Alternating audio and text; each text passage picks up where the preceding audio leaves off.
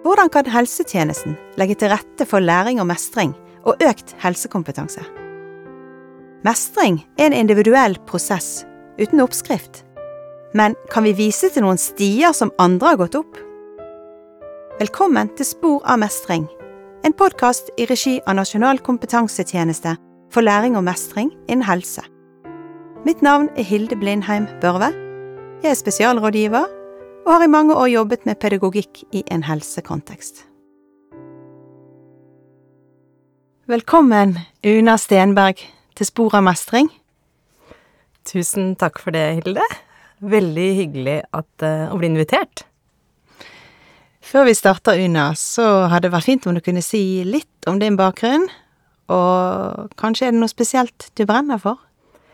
Absolutt. Um, kan jeg kanskje starte med å fortelle at jeg jobber som seniorforsker på Nasjonal kompetansetjeneste for læring og mestring innen helse, og som sosionom og forsker på Frambu kompetansesenter for sjeldne diagnoser.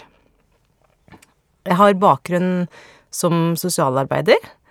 Jeg har jobba i mange år i helsetjenesten eh, som sykehussosionom. Eh, har eh, tatt uh, videreutdanning innenfor dette her med det å bruke grupper. Og um, var også veldig heldig på Rikshospitalet med å få ta en doktorgrad på det som handler om pårørendes uh, psykososiale utfordringer. Det er en del år siden nå. Så de siste åra har jeg jobba mest med forskning på det som handler om uh, læring og mestring. mye egentlig på det som handler om utbytte og effekter av å delta i tilbud. Og nå jobber jeg jo både med å utvikle tilbud, gjennomføre tilbud, og med forskning også knytta til det, da. En fin kombinasjon høres det ut for Una. Forskning viser jo at barn og unge som pårørende opplever daglige utfordringer som kan påvirke deres utvikling og sosialisering. Kan du ta oss med gjennom resultatene fra denne forskningen din, Una? Ja, hvor skal jeg starte hen, eh, egentlig? Er hadde Du spurte om jeg kunne si litt om bakgrunnen, så kanskje jeg skal starte litt med det. Det er veldig stressende å leve et liv man ikke mestrer. Det er liksom et sitat som jeg ofte bruker, også i kurs. Det er eh, Arvid eh, Kildahl som, som har det sitatet. Og det er egentlig litt det det handler om, fordi dette med likeverdighet i helsetjenesten, at vi skal ha en bærekraftig helsetjeneste, ofte så hører vi det her med Altså når du blir sjuk eller du utvikler helseutfordringer, at uh, man er alle i samme båt, på en måte. Uh, men man er jo ikke det. Det er jo den samme stormen som man er i. Men hva slags båt du har, og hvordan du skal komme deg fram, og det er jo helt ulikt ut fra hva slags situasjon man er i. Og det, det er litt av den hva jeg brenner for, og bakgrunnen for hvorfor vi har satt i gang også all denne forskningen.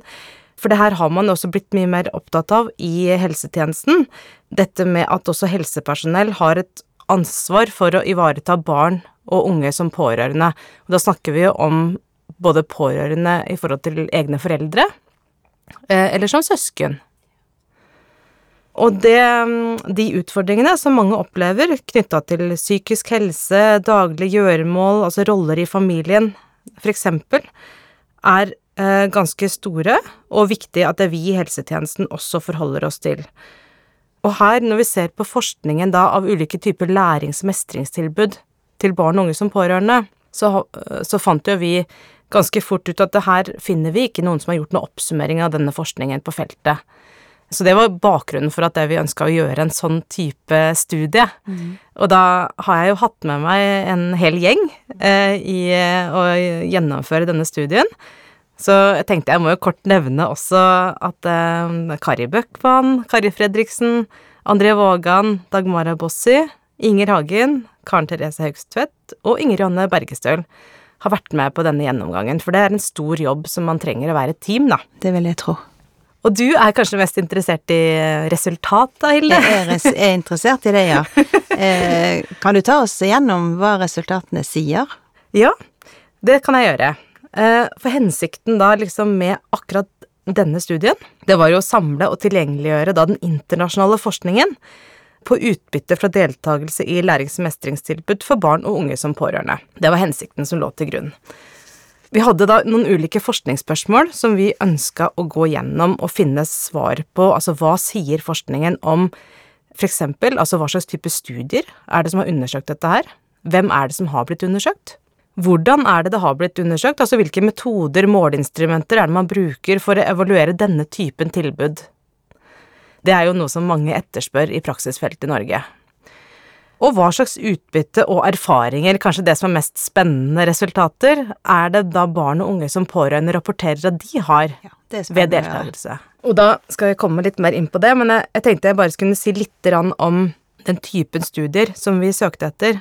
For dette er da barn og unge i alderen 0 til 18 år som har deltatt i ulike typer eh, lærings- og og da har vi en veldig sånn vid og bred egentlig forståelse av hva vi definerer som lærings- og mestringstilbud.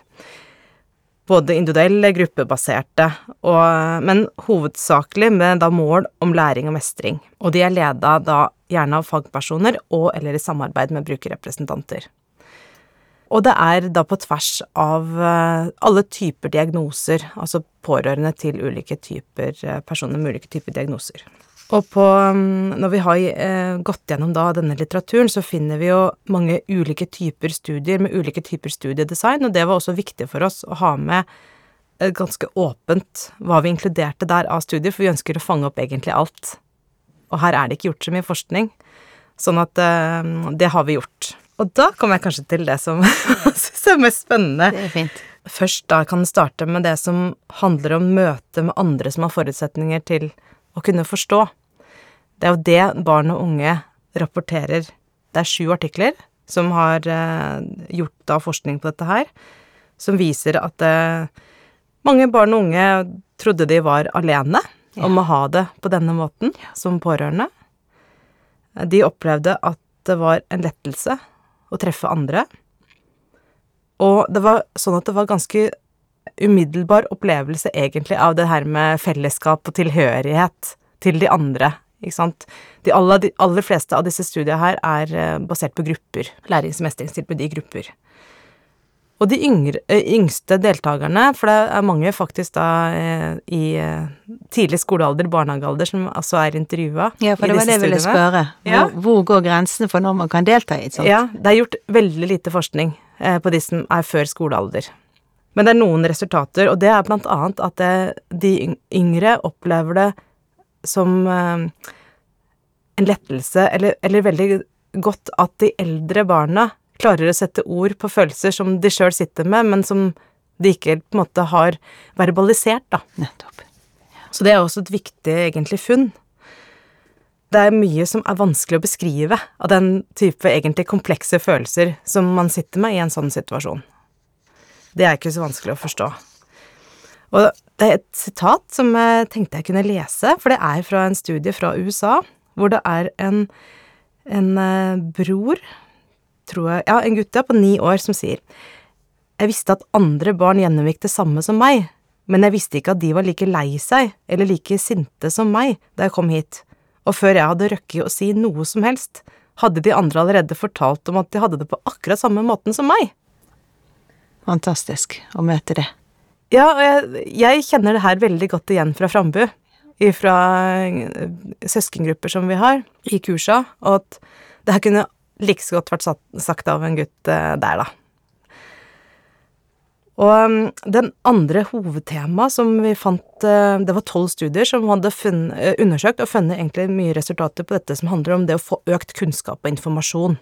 Det er jo en veldig, veldig viktig ting.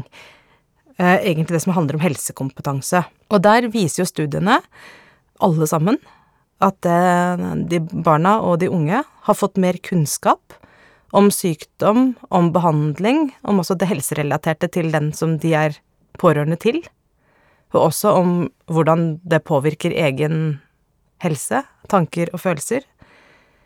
De sier at de eh, har lært mye, og at det har gjort at det de har føler mindre på usikkerhet og blitt mindre redde, rett og slett. Ja, For redsel er noe de kjenner på. Mm. Ja, naturlig nok. Ja. Og større forståelse for hvordan eh, sykdom også påvirker på en måte hele familielivet. Eh, og her sier jo det interessant nok egentlig at det barna opplever som den mest verdifulle informasjonen og kunnskapen, kommer fra de andre barna i gruppa. Ikke fra de som leder kurset, nødvendigvis. Så det er viktig å ta med seg, ikke sant. Den betydningen at det man hører ting fra de andre, og dette kjenner nok de fleste igjen som også er foreldre sjøl. Ja. Ikke sant? Så det må bety at dere setter en god del ting til. En god del tid til erfaringsutveksling i slike grupper. Det er en Ja. viktig del av det. Ja, og det å samle de har en veldig stor effekt i seg sjøl. Dette med helsekompetanse er jo på en måte kommet opp veldig nå siste åra, og det er en av studiene, eh, overraskende nok, da, bare én studie som egentlig har undersøkt det direkte. Eh, mental helsekompetanse. Men det er en eh, fersk studie, og en veldig spennende studie. Og den viser at over 90 av barna, det er mange som deltar i den studien, rapporterte økt helsekompetanse og bedre mestringsferdigheter etter endt tilbud. Og måten de definerer mental helsekompetanse her, er som evnen til å kunne kjenne seg igjen i spesifikke sykdomstegn, at du vet og har kunnskap om hvor du kan finne informasjon, at du har kunnskap om eh, hva som er risiko, årsakssammenhenger, og hvordan du skal kunne ta vare på deg sjøl oppi denne situasjonen. Og også når er det det er viktig at du tar kontakt med helsepersonell, at du, når du trenger på en måte profesjonell hjelp. Men nå snakker vi om barn, Una. Og når jeg tenker ta kontakt med helsepersonell Mm. Det kan være vanskelig nok som voksen. Mm. Hvordan gjør man det som barn? Hvem går man så til? Her er det mange som har en veldig viktig rolle, og de som står tett på unga. Jeg skal komme bitte litt tilbake til eh, egentlig etterpå, Jeg i forhold til implikasjoner Ja. for den studien her. For det, det som den viser, er jo også at man har fått uh, ulike strategier sant, for mestring, og at de har, um, de har blitt tryggere på hvordan de skal oppleve vanskelige situasjoner. Eksempel hvis du har eh, søsken som har ganske store atferdsutfordringer hjemme. Eh, det er jo en del som lever med både altså voldsproblematikk og utagerende atferd, den type ting. Forteller da at de gjennom de tilbuda har Føler at de har fått mer kontroll, at det er lettere for dem å håndtere dette her. Eh, og også det med egne følelser. Og også veldig positivt og litt overraskende, syns jeg, så sier de også at dette her har hatt stor betydning for hvordan de også forholder seg da til eh, andre nettverket sitt, til venner, vennegjengen. At det også går eh, bedre etter at de har fått eh, på en måte gå gjennom og treffe andre og, og fått denne kunnskapen, da. Og det virker også inn da på det som handler om eh, angst og depresjon, håndtering av det. Og her er det sånn at de som strevde mest, er også de som har opplevd størst bedring etter deltakelse i denne typen tilbud, selv om disse tilbudene har ikke som mål på en måte å egentlig at det skal håndtere angst og depresjon, eller altså Det er ikke behandling vi snakker om her, Nei. men likevel så har det en, et utbytte, da, på det. Og her viser også de studiene som undersøkte undersøkt, at gutter har noe større utbytte enn jenter. Og litt det samme også det med redusert skyldfølelse og bedre regulering av følelser. For det her forteller barn og unge at det, det er godt for dem å høre at det, de ikke kan klandres for situasjonen.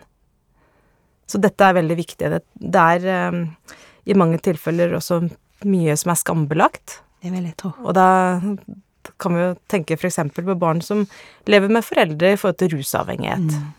Og økt bevissthet om um, hva som er dine styrker. Mer selvinnsikt, altså bli bedre kjent også med seg sjøl og sine egne verdier.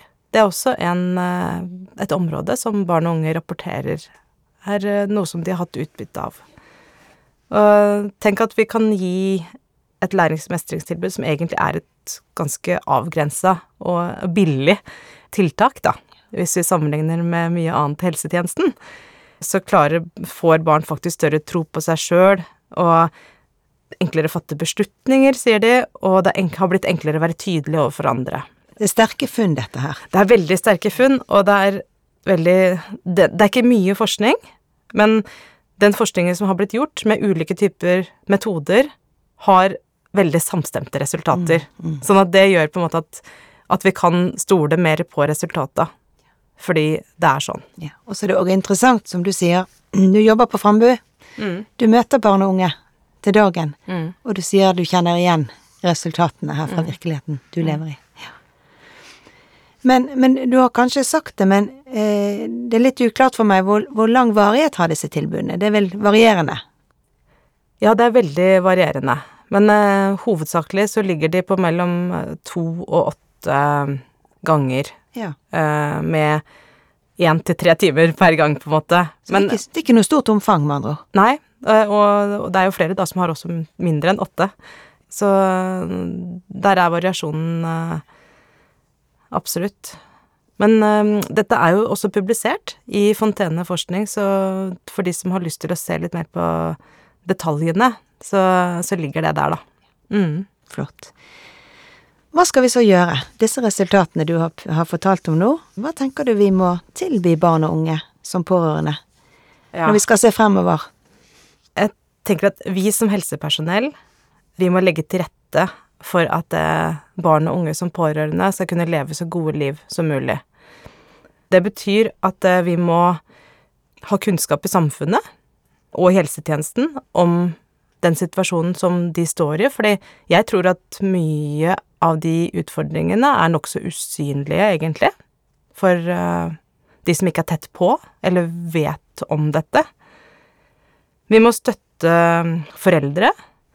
Vi trenger å ha ulike typer tilbud som, eh, som har fokus f.eks. på det med kommunikasjon, interaksjon, også mellom barn og foreldre. Og vi trenger ulike typer lærings- og mestringstilbud, både egentlig i primærhelsetjenesten og i spesialisthelsetjenesten. Men også, tenker jeg, liksom i lokalsamfunnet, i hverdagen der barn og unge er, på skoler, fritidsklubber. Her er det veldig mange som kan bidra og ha en veldig viktig rolle, kanskje uten at de er klar over det sjøl. Så jeg tenker det er utrolig mye vi kan gjøre, lærings- og læringsmestringstilbud er et viktig bidrag i det. Tusen takk for at du tok turen til Spor av mestring, Una. Veldig kjekt å være sammen med deg i dag. Tusen takk for meg. På gjenhør til nye samtaler om spor av mestring.